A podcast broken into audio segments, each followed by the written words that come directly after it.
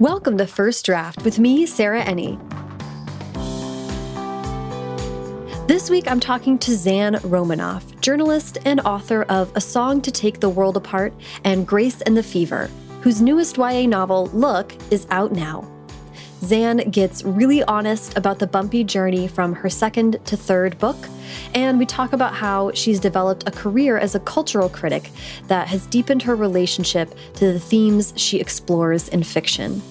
And we talk about our shared experience of reluctantly discovering that the book you're writing is, in fact, about you. We also get into how Zan is adapting to releasing a book in the shadow of a global pandemic. Everything Zan and I talk about on today's episode can be found in the show notes at firstdraftpod.com. First Draft participates in affiliate programs. That means when you shop through the links on firstdraftpod.com, it helps to support the show at no additional cost to you.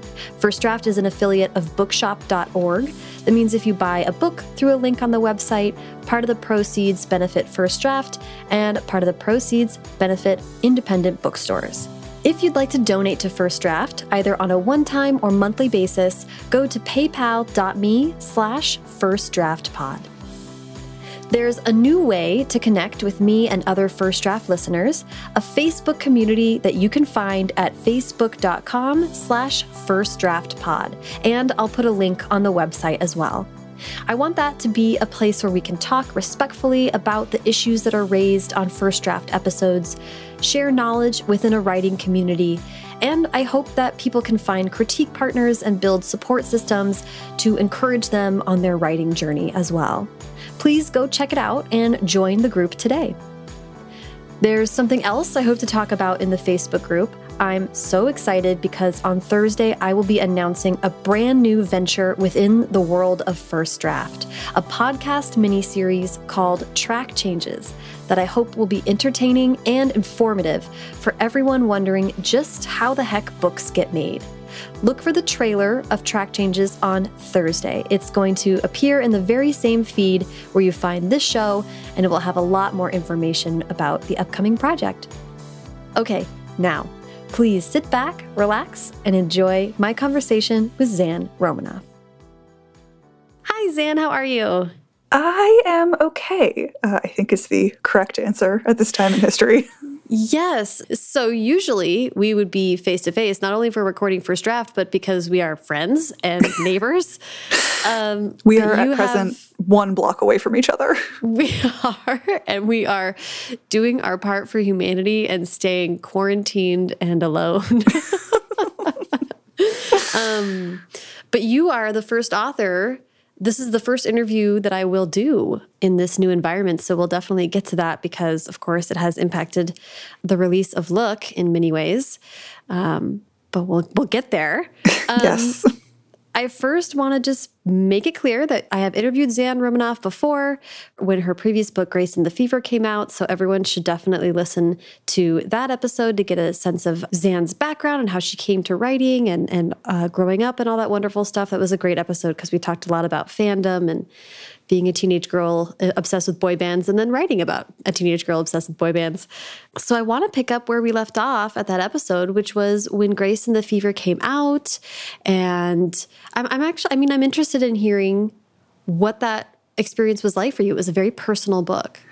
Yeah, it's so funny. Like, I feel like people keep saying, kind of like, oh, you know, last week feels like a million years ago. Mm. Um, and so the idea of going all the way back to 2017 I know.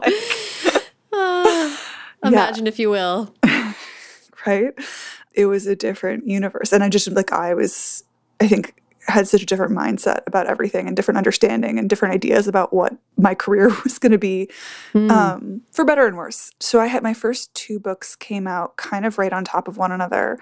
Uh, Song to Take the World Apart was the fall of 2016, and then Grace was in the spring of 2017. So it was a very quick mm-hmm. turnaround and it was sort of like a whirlwind. And I feel like I didn't really have time to like get my feet under me much, mm. especially also because there was uh, then also so much chaos happening in the world. Um, Song came out September 2016. So sort of immediately after that was the 2016 election.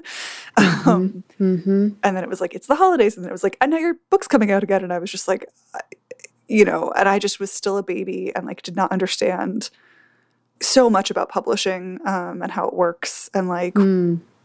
because there was so little time between the first and the second book, I didn't really have time to like absorb any of the lessons I had learned with the first book or even reflect on the Mm. experience and think about like, oh, that worked, that didn't. I would want to do this differently next time. I would want to do more of this, less of that, whatever. It was Mhm. kind of just like, okay, this is happening again. And I just got to like throw everything I have into it and, and just like, yeah, it was like, okay, this is happening again. And I'm just going to like do what I know how to do, which is not very much, and uh, hope for the best. no time to process No, no time to process. or to come up with a new strategy or to Yeah, or even think about do I need a new strategy? I mean, I just was kind of like running basically. Um, And I will Mhm. say I was super, super lucky. My dear friend Catie DiSabato, who's also a wonderful writer, works her day job as a publicist, and she reached out to me and was like, I, you know, I love this book so much and I want to help you out. And so she actually did some sort of like pro bono PR work for me. wow, that's Um, awesome.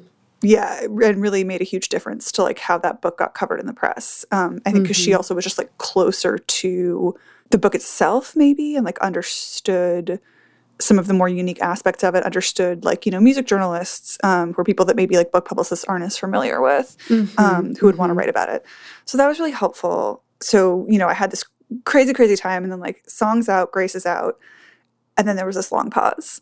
You know because i was working on stuff and i was writing um, i had a draft of a third book in progress but actually what happened is that i was also working on like a work for hire project and i had a non-compete clause uh, Mm. in that contract and so i couldn't submit anything to my publisher while i was working on the draft of this other book that never ended up happening and for which i got paid very little money Mm.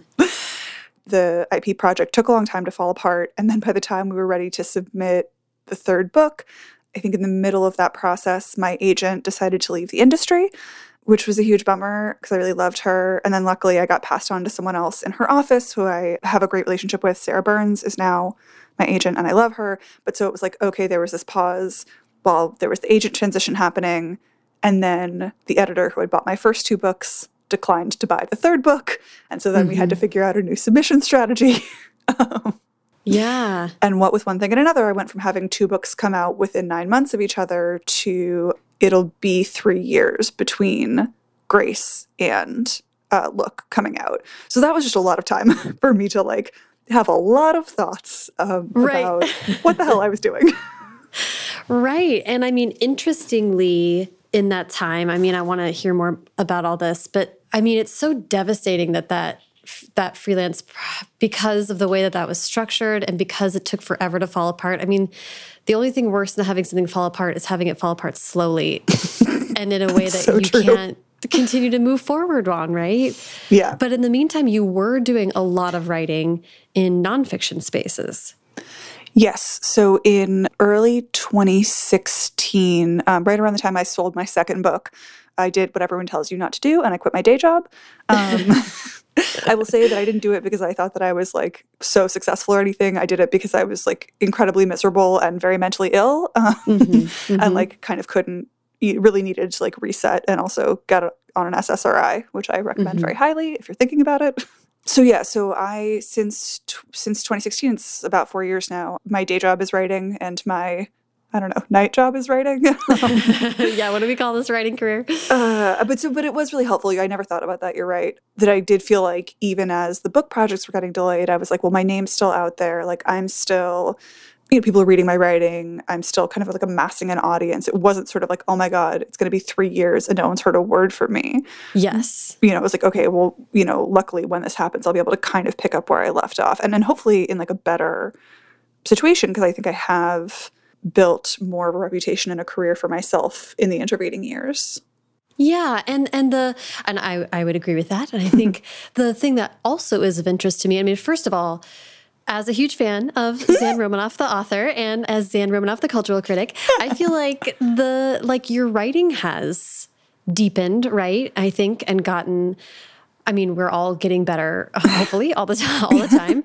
But Yeah. you know, between Grace and the Fever and Look, there is there's a lot of similarities in what you're looking at and talking about. But I felt like there was this kind of new, even more mature facet to look. And I think it's because not only are you talking about social media, construction of femininity, I mean, a lot of these things that you explore time and again in your books are also things that you are talking about through the lens of being a cultural critic in nonfiction writing as well. It's true. It is true that uh, I like starting to like research what I did not know then would be look is the thing that like led me to the Kardashians, which is one of my like literal beats as a nonfiction writer. Mm-hmm, right? Mm-hmm. Like, so yeah, if you're talking about social media and construction of femininity, like they're the textbook. So yeah, so there's there's true that like I think my nonfiction writing really supports and informs my fiction and really gives it. I mean, it's also like there's a whole sort of like old Hollywood plot line in Look and totally by coincidence, at one point when I was editing it, a British magazine called The Gentlewoman reached out to me and asked me to interview Karina Longworth, who does the You Must Remember This podcast. And she had just written a book about Howard Hughes, who in certain ways like really resembles this character and look. Mm-hmm. And so like reading this book, I was like, oh my God, I didn't even know this was research I should be doing. but like, thank God this like tumbled onto my doorstep. Um, That's so interesting. Yeah. So like there's these just, you know, incredible coincidences where things kind of show up and like, you know, I get to like think about something in a new way or, get a new resource. But I will also say in terms of like talking about like you know we're all always hopefully you know growing and getting better i think it's really true mm. and also like i had more time to work on look mm. than i had with the first two books just because of the way things worked out and i also feel like in, in a way like the time that was passing when i was editing it was really frustrating to me as it was happening but now i look back and i'm like this had so much time to sort of like compost in my mind if you want mm-hmm. a weird metaphor I love that metaphor. Um, yeah, that's that is such a good point. And because you and I are friends outside of the first draft, I know that this did this was like I think you had at least one edit that was pretty much strip the paint and start over kind of level. No, that's the fourth book. Uh, okay, gotcha. but no, Sarah, it's fine. I mean, I've all I've done for the last like it's funny like there was this sort of long period of not having books in the works because I sold Look and the fourth book, which doesn't have a title yet, at the same time. I've been kind of like working on them in parallel for the last mm. like year and a half. So. yeah, it's just so interesting. And I mean, that's the other thing that's kind of striking me about your story, and that I'm really like gratified that you're willing to talk about it is just like sometimes I think it's easy to look at a writer's career and be like, oh, there was like a five year gap here. Hmm, I wonder what they were doing. And it's like, well, that's not often a choice. you know? Like, I do think it's important to understand that there are so many machinations at work that could cause that kind of a lapse in timeline. Yeah, and that's the contract thing, man, is fascinating.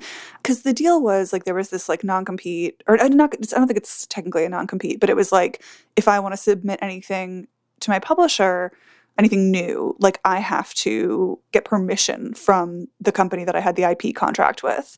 Mm. Um, and we just didn't want to get into it with them. You know, we were mm-hmm. kind of like, mm-hmm. well, let's just see how this shakes out. It should only be, I kept being like, oh, it should only be another month. It should only be another month. um, oh, but like I was talking to a friend of mine who's also a YA writer, and she was saying that she's a contemporary writer and she wanted to do a fantasy novel, but because of her non compete with her publisher, she can't submit any other YA books, even if they're in a different genre. She was like, if I wanted to write adult literary contemporary, that's fine. If I want to write middle grade contemporary, that's fine.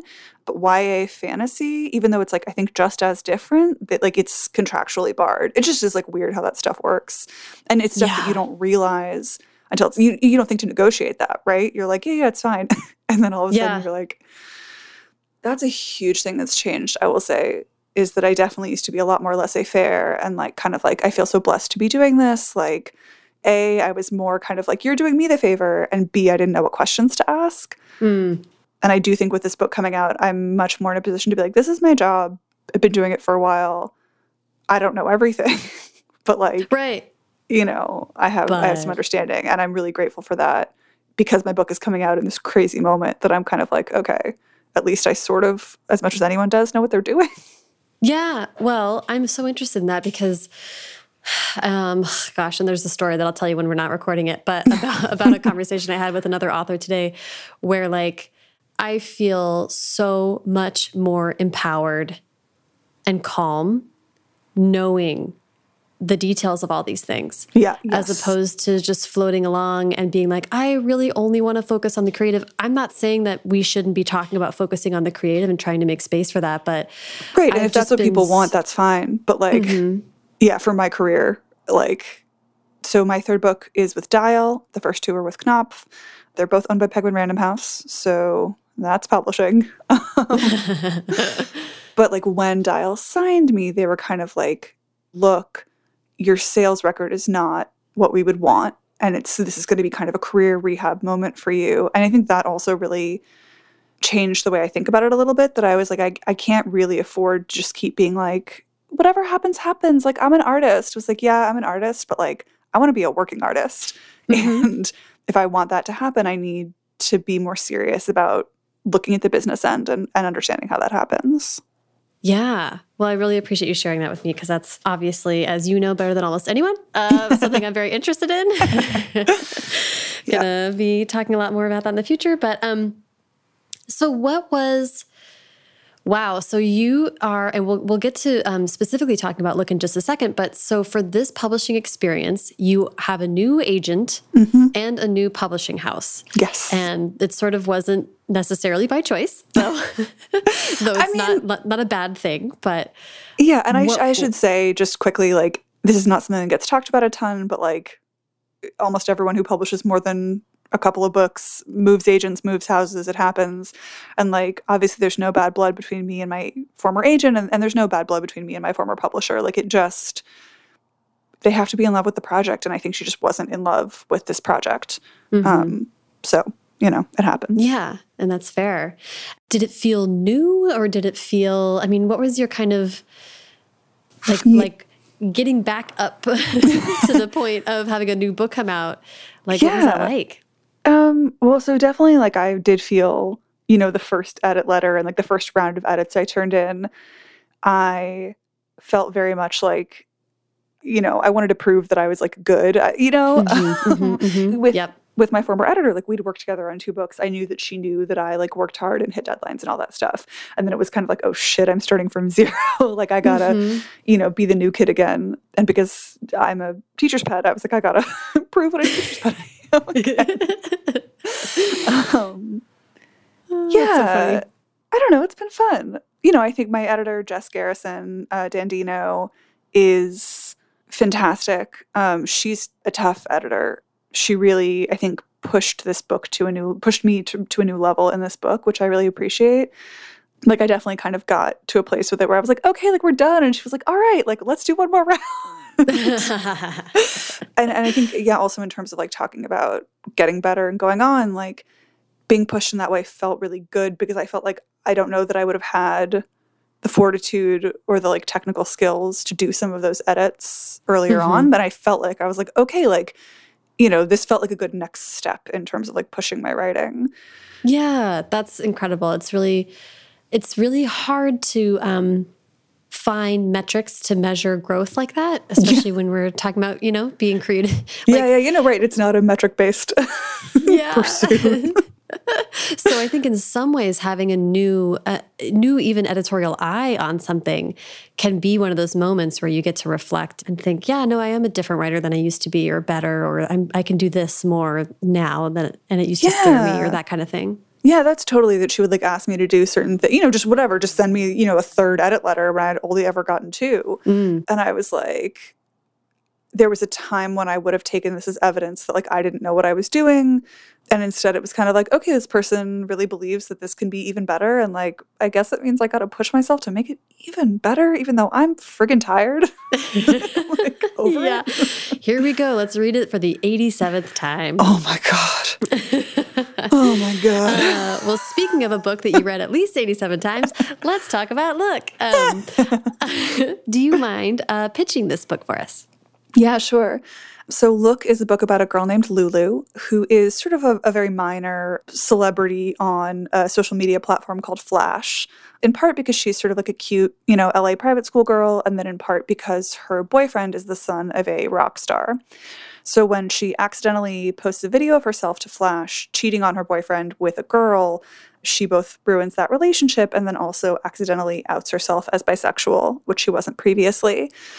And this sort of, you know, beautiful, luxurious, like very perfect looking life that she's had falls apart. And the book is about her trying to figure out what parts of that life are worth salvaging and what she wants to put back together, and which parts of it maybe kind of weren't that good for her and she wants to let go of. Yes. Um, and it's a beautiful, beautiful book. I really loved it so much. Thank you. Um, yeah. I want to ask about it was really striking to me that Grace and the Fever, in some ways, sort of felt born out of kind of a Tumblr culture and about how young women can tell themselves things about themselves by constructing the stories of other people through fandom or through talking about um, things that they love and are obsessed with. And this book felt very much like it was obviously Flash is kind of like Snapchat or Instagram, and it's a little bit more like how do you tell yourself this, like telling a story about yourself, mm -hmm. and whether that is revealing or if it is all artifice. I'm just interested in what, in your thoughts on yeah. yeah, yeah, yeah. It's funny. A big part of the genesis of Look is that when I finished writing Grace, one of the sort of finishing touches that I put on it was figuring out what social media platforms everyone was going to be using because mm. like you said the book is very based in tumblr fandom and because of that it, it felt wrong to like pretend like call tumblr or something else i was kind of like this is about a very specific moment in fandom and so like i want to use real names as much as possible and like i don't care if mm -hmm. it sounds mm-hmm. dated it's about kind of a moment in history mm -hmm. so I, and, and, one of the things I had to do uh, was there was a lot of Instagram use in the book, and I was like, oh no, teens aren't using Instagram, they're using Snapchat. So I went in and turned all the Instagrams into Snapchats. And then, like, as it was going to press, Instagram stories were introduced, and everyone got on oh. Instagram stories and abandoned Snapchat. Jesus Christ. Damn it. But the reason Snapchat hadn't been in the book in the first place is because I didn't use it. I didn't really understand it. Mm -hmm. So I was like, all right, well, I should, like, you know, I write about social media, like in fiction and in my journalism, like I should know more about this. And so I like went on Snapchat and started following Kylie Jenner because Kylie, if you're going to learn about Snapchat, like mm -hmm. Kylie Jenner's the person. Mm -hmm. So yeah, I got obsessed with Kylie Jenner. I started writing about her and about the Kardashians and about you know, kind of like the yeah, like as you say, the construction of self, especially via images, um, and especially yeah. for young women. And I do also think it's funny. You and I talk about this a lot that like when you're writing a book, you're always kind of like, look at me just like making up all this fiction that like never happened. And then at a certain point, you're like, oh, this book's about me, isn't it? and yes. the more I've been talking about it, the more I do think that part of the book is me reacting to, at that point, having been an author and a journalist and like something of a public figure for mm -hmm. some years at that point you know, that I, when I was a teenager, was like really interested in fandom and in fantasy and, and, you know, fan fiction and those kinds of constructions.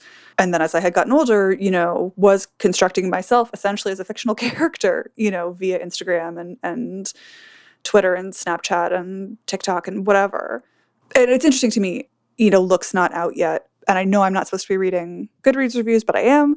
um, and I just and, and not just Goodreads, like trade reviews. I just feel like people understand this book a lot better. Like it seems like there's just a level on which they kind of get it that they maybe didn't mm. necessarily get Grace.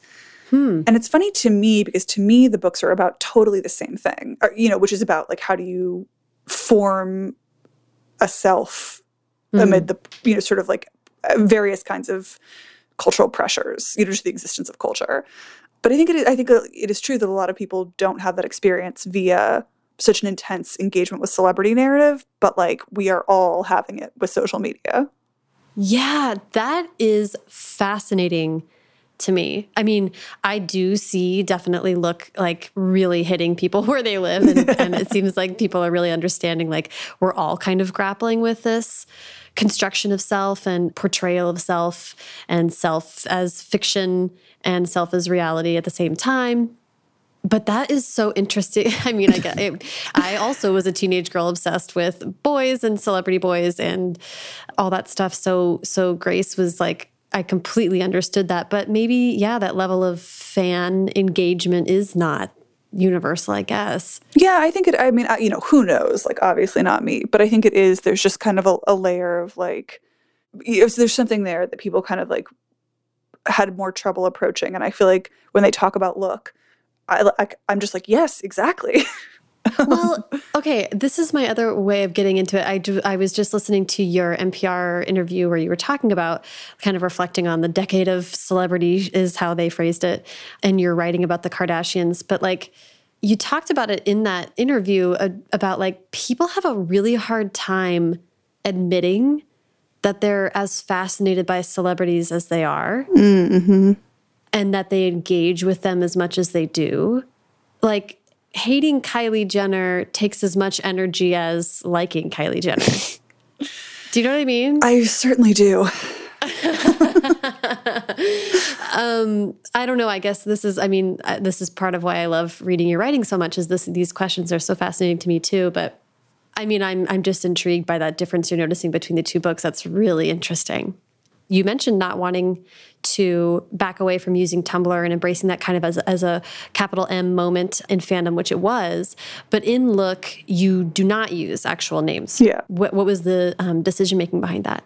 I think in part it was the experience with Look of like watching the sort of, you know, Instagram to Snapchat to Instagram story transition where I was like, you're going to get it wrong. I mean, you're not going to get it wrong, but like, you know, it will date the book mm -hmm. inevitably. And so, unless there's a really strong reason that it needs to be that thing, why not just like give it a little bit of room to breathe? Mm -hmm. And it's funny, like, I've seen people now in reviews saying, like, oh, Flash is a mix of Snapchat and TikTok. And I'm like, oh, listen, I appreciate it's a very generous read. TikTok didn't exist when I wrote the book. so it kind of isn't. But great. If it, you know, if it feels right for that, then great. And I do think also like part of the point of Grace was about specific ways that Tumblr as a platform has shaped fandom. Mm -hmm. Whereas in Look, it's more about like the ability to show people pictures of ourselves is really the point of the book. It doesn't matter whether it's happening on Instagram, Snapchat, TikTok, Flash, whatever. Yeah, that's and and I thought Flash was a great name for a for a social I gotta media tell app. you, I don't always like love puns or like titles or stuff like that, but coming up with fake app names turns out to be really fun. like they take a party trick. Yeah, they have like a car uh, car sharing app called Ride with a Y. That's right. That was so good. Oh my god. I love that. Um I want to talk about the fact that this is a queer love story. Yes. I don't want to spoil it, so I'm going to try to kind of talk about it without doing that. But there is an element of love triangle to it. But in the end, it is a story of a girl falling in love with another girl. So, since we are friends, I know that you identify as straight, but you set out writing this beautiful queer love story with a main character who is bi. I'm just interested in how you approached that and what was important to you in telling an LGBTQ story. Yeah, the real answer to this is that it started out kind of as a craft challenge to myself. I was like, okay, I've written two books and I want to write a third. And especially because the first two, in certain ways, were very, very similar. Like they're about girls who are obsessed with a guy in a band and like and actually also in both books like there is a queer male character who's like hiding his sexuality um mm -hmm. and so i was kind of like okay well like let's be thoughtful when we plan the third book and do some new things so a i was sort of like you know i've written two like straight romances it, it would be interesting and a good challenge for me i think to write something else and then i also was a little frustrated with the idea that people would read my books and sort of think like that I thought queerness was a, a exclusively male phenomenon, Mm-hmm, um, and b something that was like uh, you know a secret or like a subplot. Like that just didn't sit right with me. Mm -hmm. Um, so I was like, okay, well, like, and, and also because I was sort of like, well, clearly I have an interest in queerness. Like, it keeps popping up in the sidelines of these books. Like, Mhm. maybe it's time to sort of like really think that all the way through and get clear on what it is I'm trying to do here. Mhm. So that was kind of the initial thinking. And it's, you know, it's all very, like I said, clinical and crafty. And it was also, so this was in like spring of 2016. I forget, you know, what what all was going on exactly, but uh, God, were we ever that young? yeah, I know, right? Um, but I'm pretty sure the own voices hashtag did not exist. And so that just like I and I just I wasn't thinking in that way. So one of the other interesting things that happened, again, having so much time with the book, was that I my thinking around that and the ways I was being asked to think about it really changed, which I'm really, really grateful for. So, you know, yeah, like it was like, okay, can I write this to my satisfaction is one question. And then there was a point at which I had to turn it over to sensitivity readers, um, all of whom are friends of mine. And that was pretty terrifying, you know, and I think a really good experience because A, like you need to be, you know, if you're writing about a, a marginalized group you're not a part of, to be reminded, like, hey, they're going to be reading this and like you really don't I mean, hopefully you're not a fucking sociopath who wants to hurt Mhm. people. Mm-hmm. but especially like those people, you know, were some of my closest friends. And I was like, I will be f- devastated if I hurt them. But I think that was good. I'm, I'm glad that I had that specific kind of sense of responsibility. Um, and that was also why I chose to make Lulu bisexual specifically, is because A, like, uh, just have a lot of um, friends who are bisexual women um, and who are sort of like Lulu, sort of like femme bisexual, who you know had times in their life where they you know, when they were teenagers where they were kind of deciding like do i want to pass you know Mhm, how queer mhm. do i want to like quote unquote let myself be and i felt like that was an experience that i don't want to say like knew or understood but that i had a lot of organic th- that was something that i had a lot of organic interaction with Mm-hmm. um, it was something that I could ask people for reads on very easily. And also, like, I'd talked to those friends a lot about how few bisexual characters there are in fiction, especially for young adults, how few bisexual women there are. So it was just sort of like, felt like, okay, if I can pull this off, here's an opportunity to tell a story that we don't have much of. Yeah, no, it's I, I absolutely hear hear what you're saying, and it's very, you know, I think for you and I both, like there's queerness in Tell Me Everything as well, and there's queerness in the book I'm currently writing, and I'm and I identify as straight, cis white woman, so it is like worth interrogating deeply how you want to portray those stories and how you investigate that yourself as a writer, getting empathetic and involved in your characters. And I had that same experience of asking a friend to read it and then getting very great, gracious, wonderful notes back and being horrified at even what was truly like a minor thing that she was suggesting was changed. But I was like, oh my God, I've, I've, I'm terrible. Like I've been wrong this whole time. And it's like, okay, no, but but we all do need to be honest with ourselves about it and that we're not going to get it right. You know what I mean? Yeah, that's. I wouldn't say that I felt like I because I uh, yeah the notes that I got were so lovely and generous. It was just that I was surprised, and I it really. I sort of wish that everyone who like talks about sensitivity readers in the abstract could have the experience of being sensitivity read, um, because mhm, it's so mhm. different than I think people imagine. You know, it wasn't like anyone was like writing me scoldy emails or like telling me what to do. Um, you know, Right. I wasn't being censored. It was like my close friends being like, "Hey, you missed some pertinent details here." Um, Yeah. You know, or like, "Here's my person. like." So I had in, in the first draft of the book, Lulu. I don't think the word bisexual or the, the draft they read like did not have the word bisexual in it. I don't think. Certainly not to describe Lulu Mhm. because I at that point was sort of like, oh, I don't like labels. Teens don't like labels. Like she's going to be a no labels girl. And they were like, yeah, yeah, yeah, that's totally fine. But like the word bisexual gets elided a lot. Like it just doesn't get said often enough. And even if she ultimately rejects it, it needs to be mentioned as an option. Mhm. And I was like, oh yeah, I just I totally wouldn't have thought of that. You know, you just Yeah. It was just such a useful perspective. I mean, like any good edit, right? It was like, oh, you Mhm. just, you didn't see around this corner, and I'm telling you what I think is here, and you decide how to deal with it.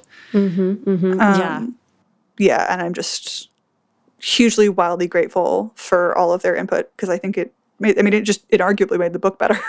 you know? hmm I love that. And and I mean I think the other thing that's really fascinating in what you were able to to sort of play with in in the narrative is you know teen girls I mean kind of doesn't matter what you do as a teen girl it, it, it's often framed that you're doing it for attention um, Always. always.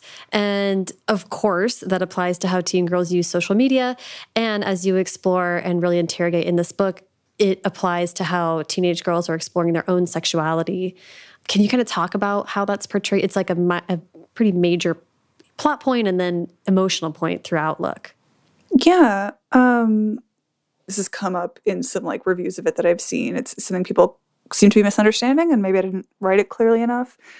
So Lulu, at the beginning of the book, understands like that she is attracted to both men and women. That's not like a surprise to her. Mm-hmm. And she talks about how, you know, even before she accidentally outed herself, she would kiss girls at parties. And for her, that's like a really safe way to explore that desire, right? It's like, oh, haha, it's just a joke.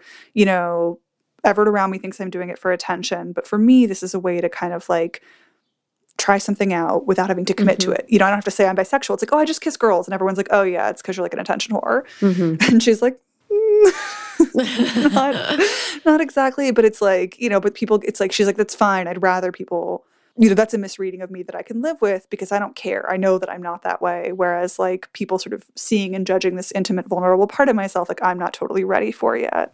Mm-hmm. One of the big things to me of the book and of everything I write, right, is that like social media is not capital G good or capital B bad.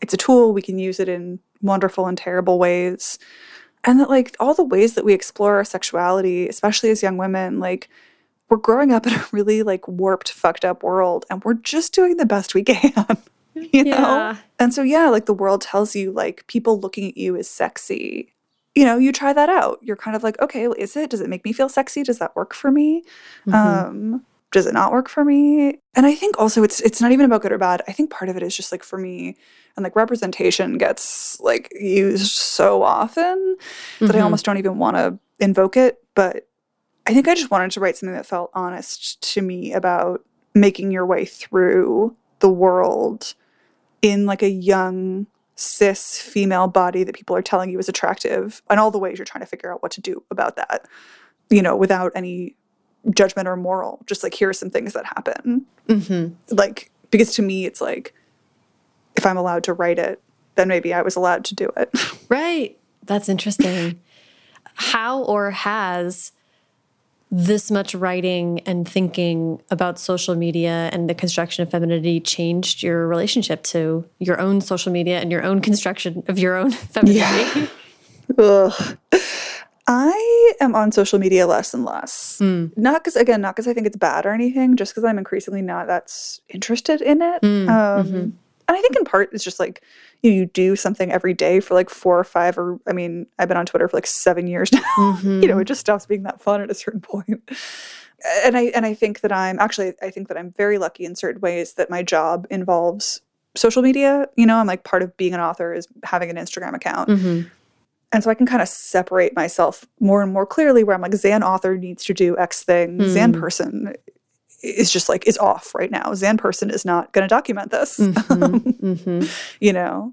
Yeah, that is really powerful. And it is funny for me to, I do have moments every once in a while where I think about friends of mine who don't have, as you say, like, you know, our jobs are, we're not calling ourselves public figures by being like, we're famous. it's like we have public facing jobs where we need to interact as capital A author, Zan and Sarah.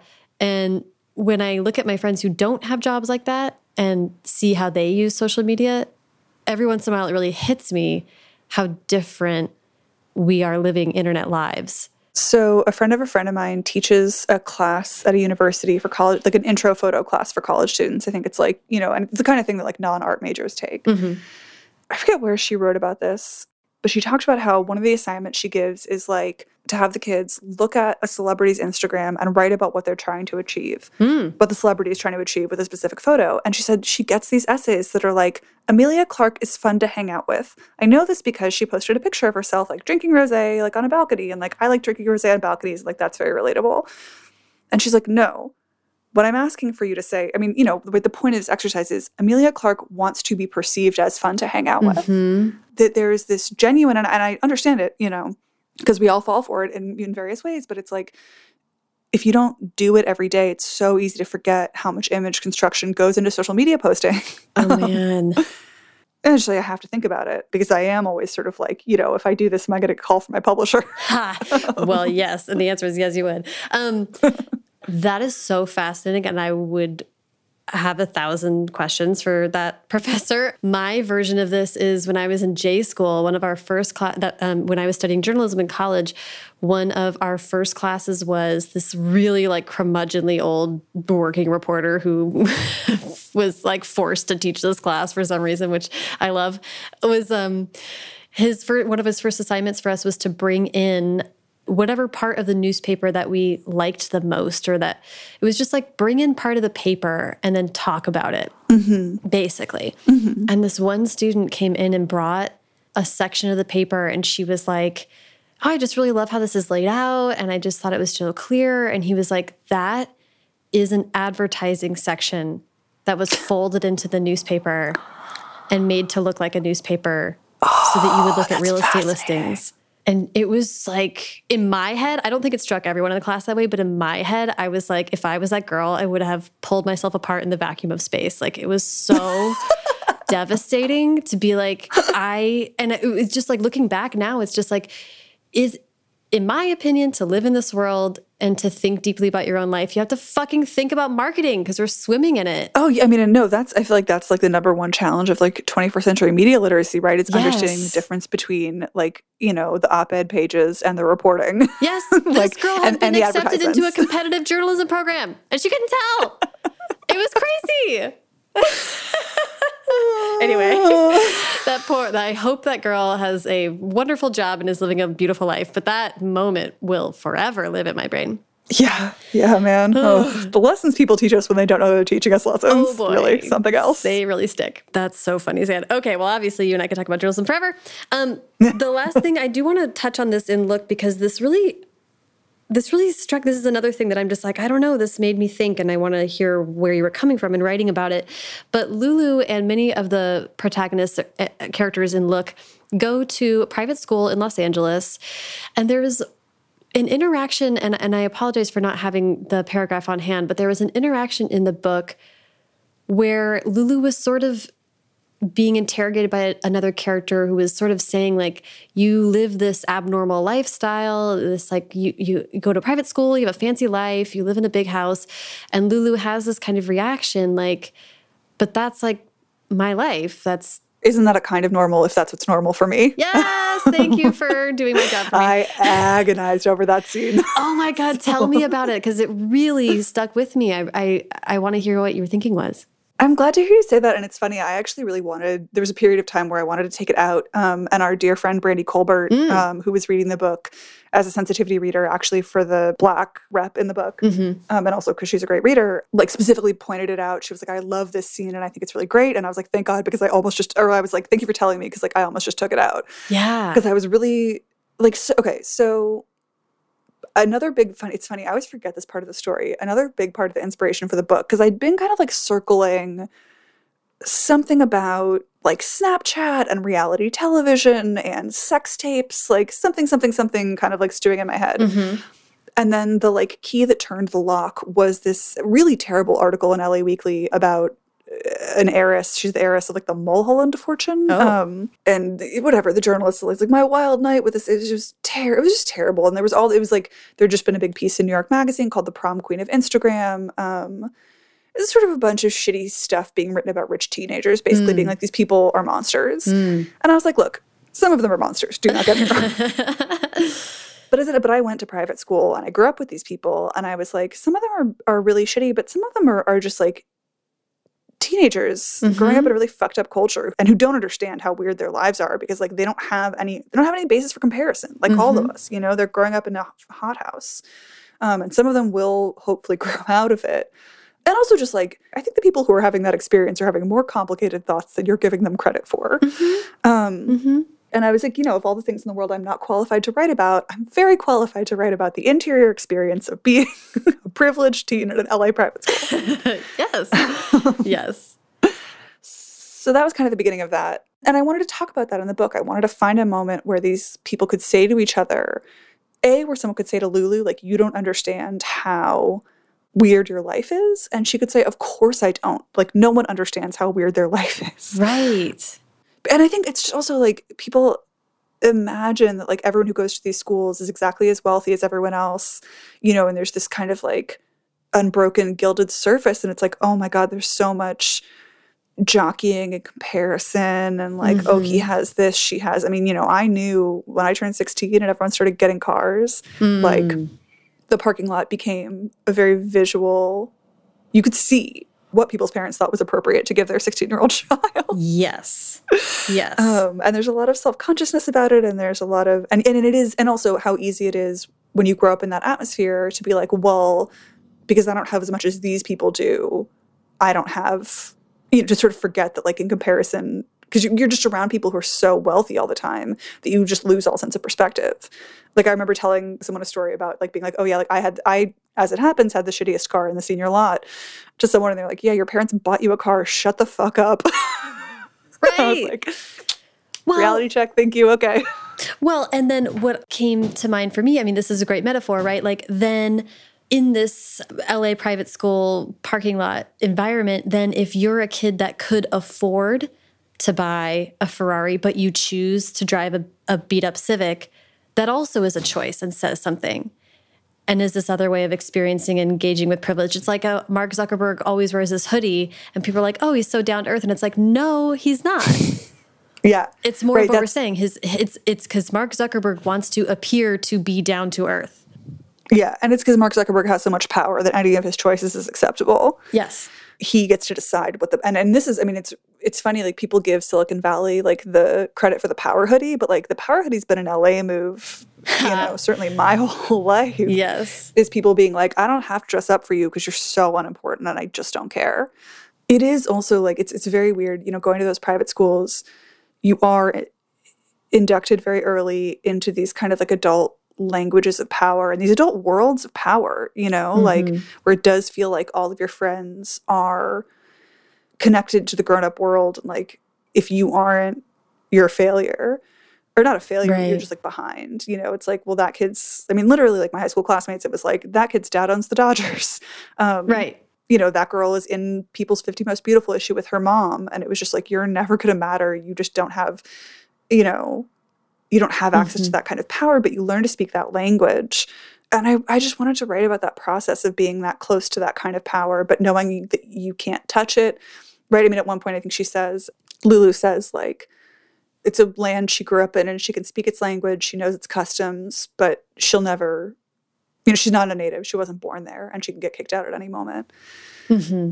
And that's certainly how I felt going to right. private school. Well, it felt very lived in, and it felt very interesting. And and I mean, my other interpretation of it was, and not to wax too too hard on this, but my other thinking about it was, you know, I think it was Cass that says this to Lulu, um, the the normal quote.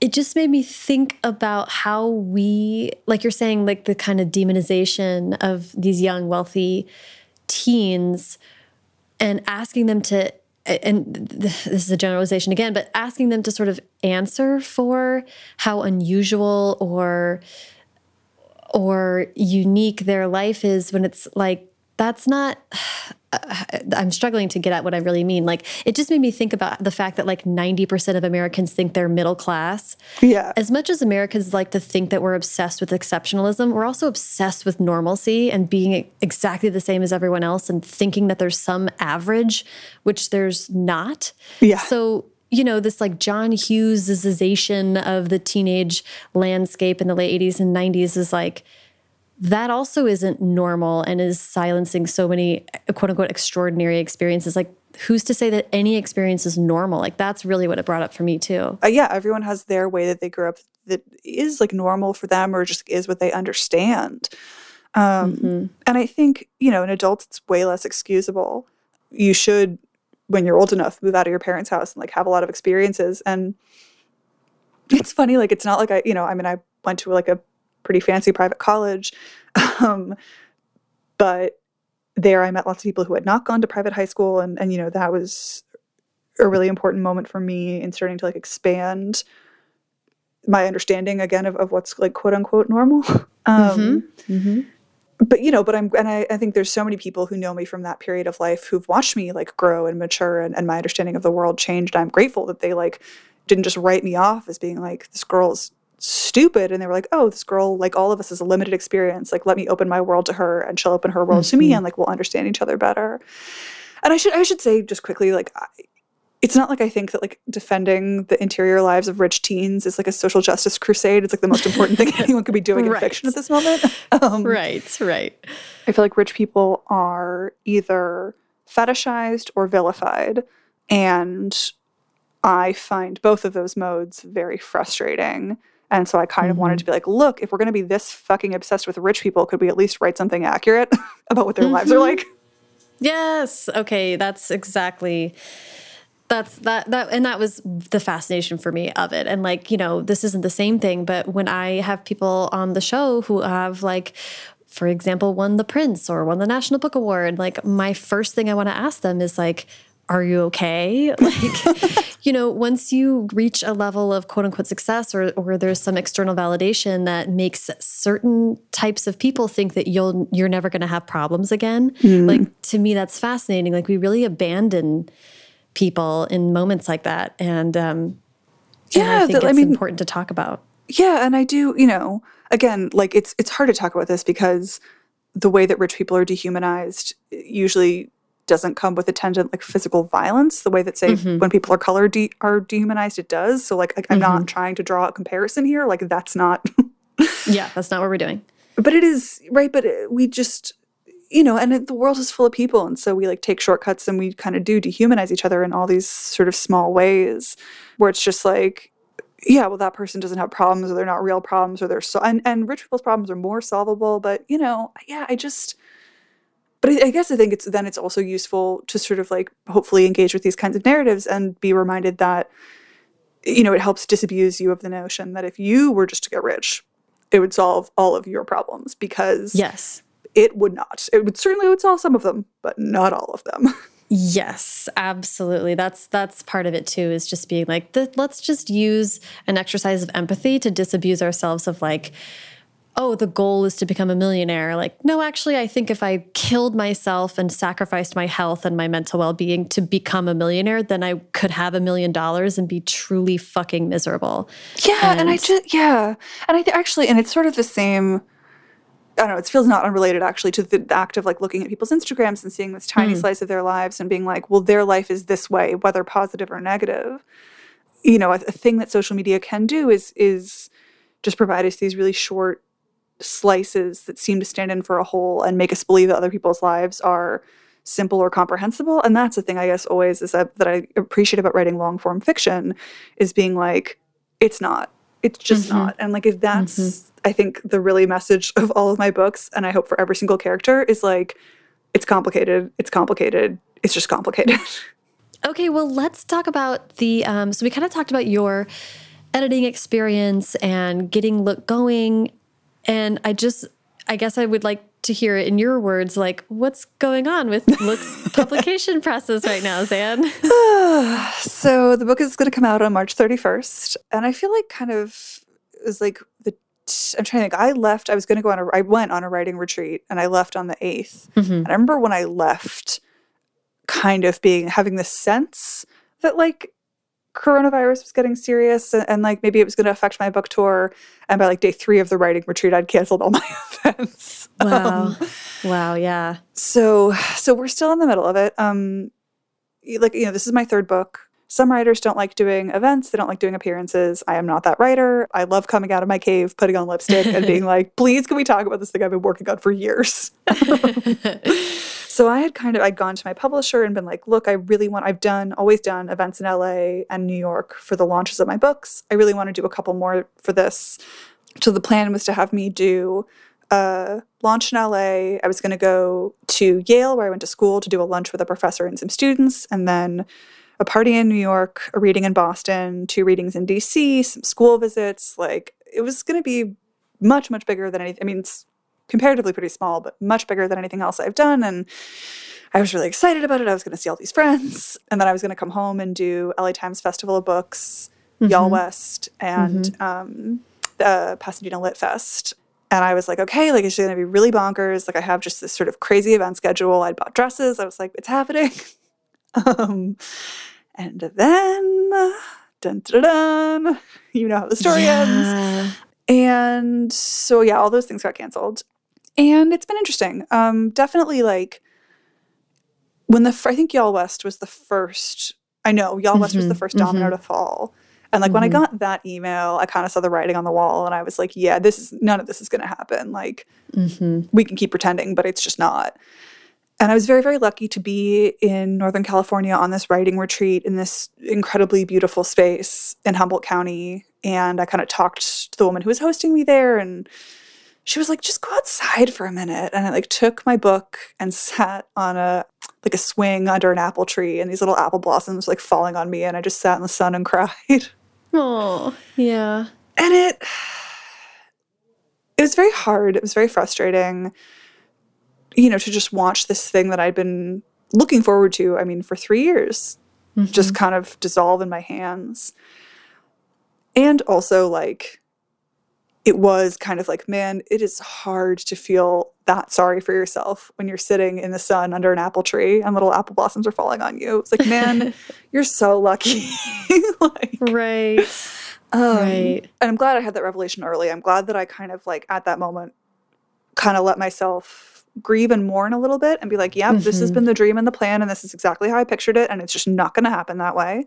And that Mhm. sucks. It sucks to work really hard on something and like want to celebrate and be in community with people and not get that chance. Mhm. But I've been so gratified by the way that people have rallied around bookstores, authors. We'll you know we'll see how it all shakes out.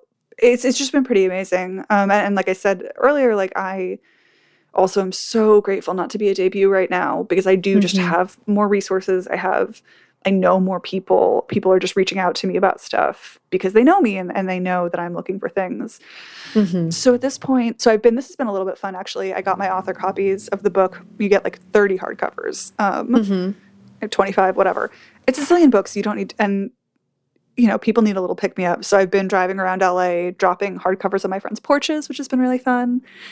And just a way to kind of like, again, create some connection and some community at this isolated moment, you know, to remind people how special they are to me and also get to kind of like, I don't know, just just do something out in the world. Yeah.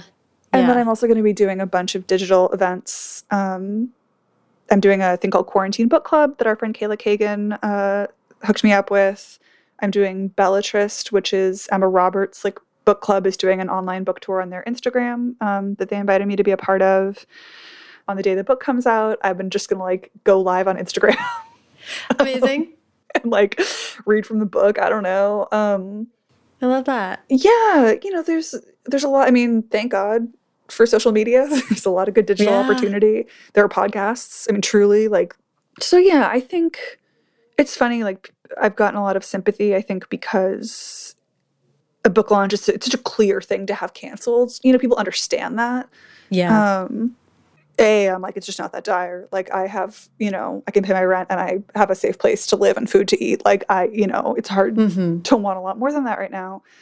But also, I'm like, man, you know, I can still, the book's still going to come out. I can still find these ways to celebrate. And I am, as you know, whenever it is medically advisable, I definitely am going to throw a big ass party. Good. I've appreciated so much. We talked about this a little bit, like my friends continuing to release podcasts and, you know, being able to buy books and watch TV. Um, Mhm. That helps me feel less like an asshole for doing self promotion during a global pandemic. Because I'm like, at least, like other people's books have done so much for me. Hopefully, my book will do that for someone else. Yeah, I think that's a really great way to think about it. And it, it does help me to hear that you're looking for non because I mean, yeah, first draft is like chugging right along. it's like, well, I'm all booked through June, so we're just Also, Sarah, think about how many people are locked in their like houses right now, being like, I guess I'm gonna write a novel. Like, they need help. Ah, it's true. It's true. We're, we're ready for you. Welcome. yes, and you do need help, not because you're bad, because it's hard. So It's hard. It's really hard.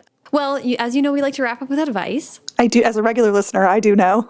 Oh, I love that. Um, and I, you know, since we're here, since we're talking about it, what advice do you have for other people who have books coming out this spring, and, and maybe in particular, any advice that you might give to a debut author this year, this season? I mean, I mean, I do think a like you can take some pressure off of yourself because there is no normal at this point and there's kind of no expectations.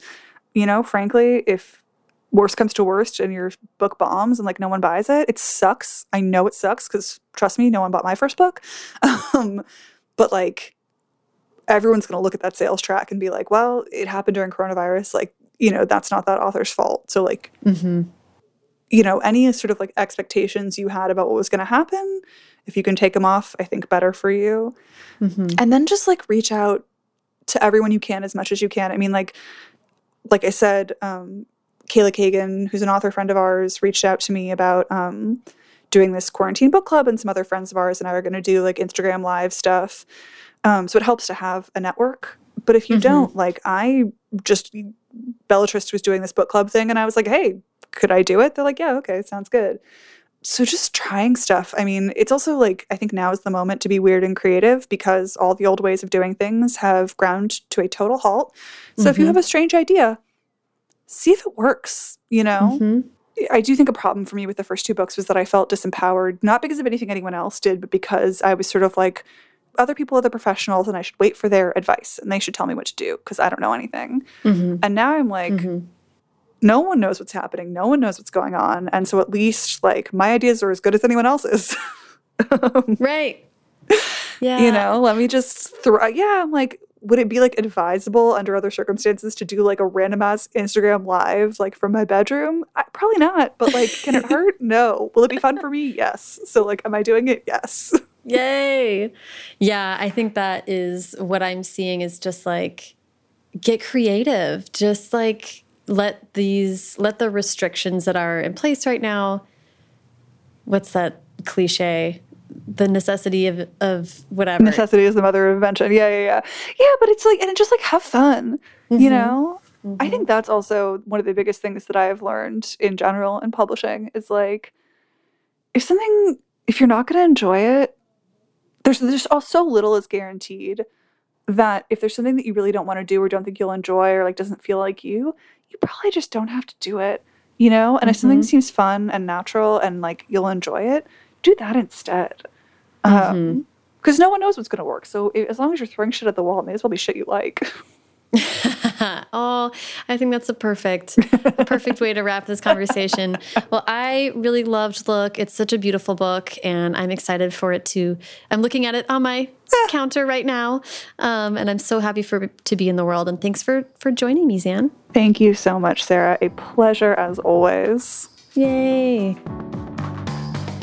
Thank you so much to Zan. Follow her on Twitter and Instagram at Zanopticon, and follow me on both at Sarah Enni and the show at First Draft Pod.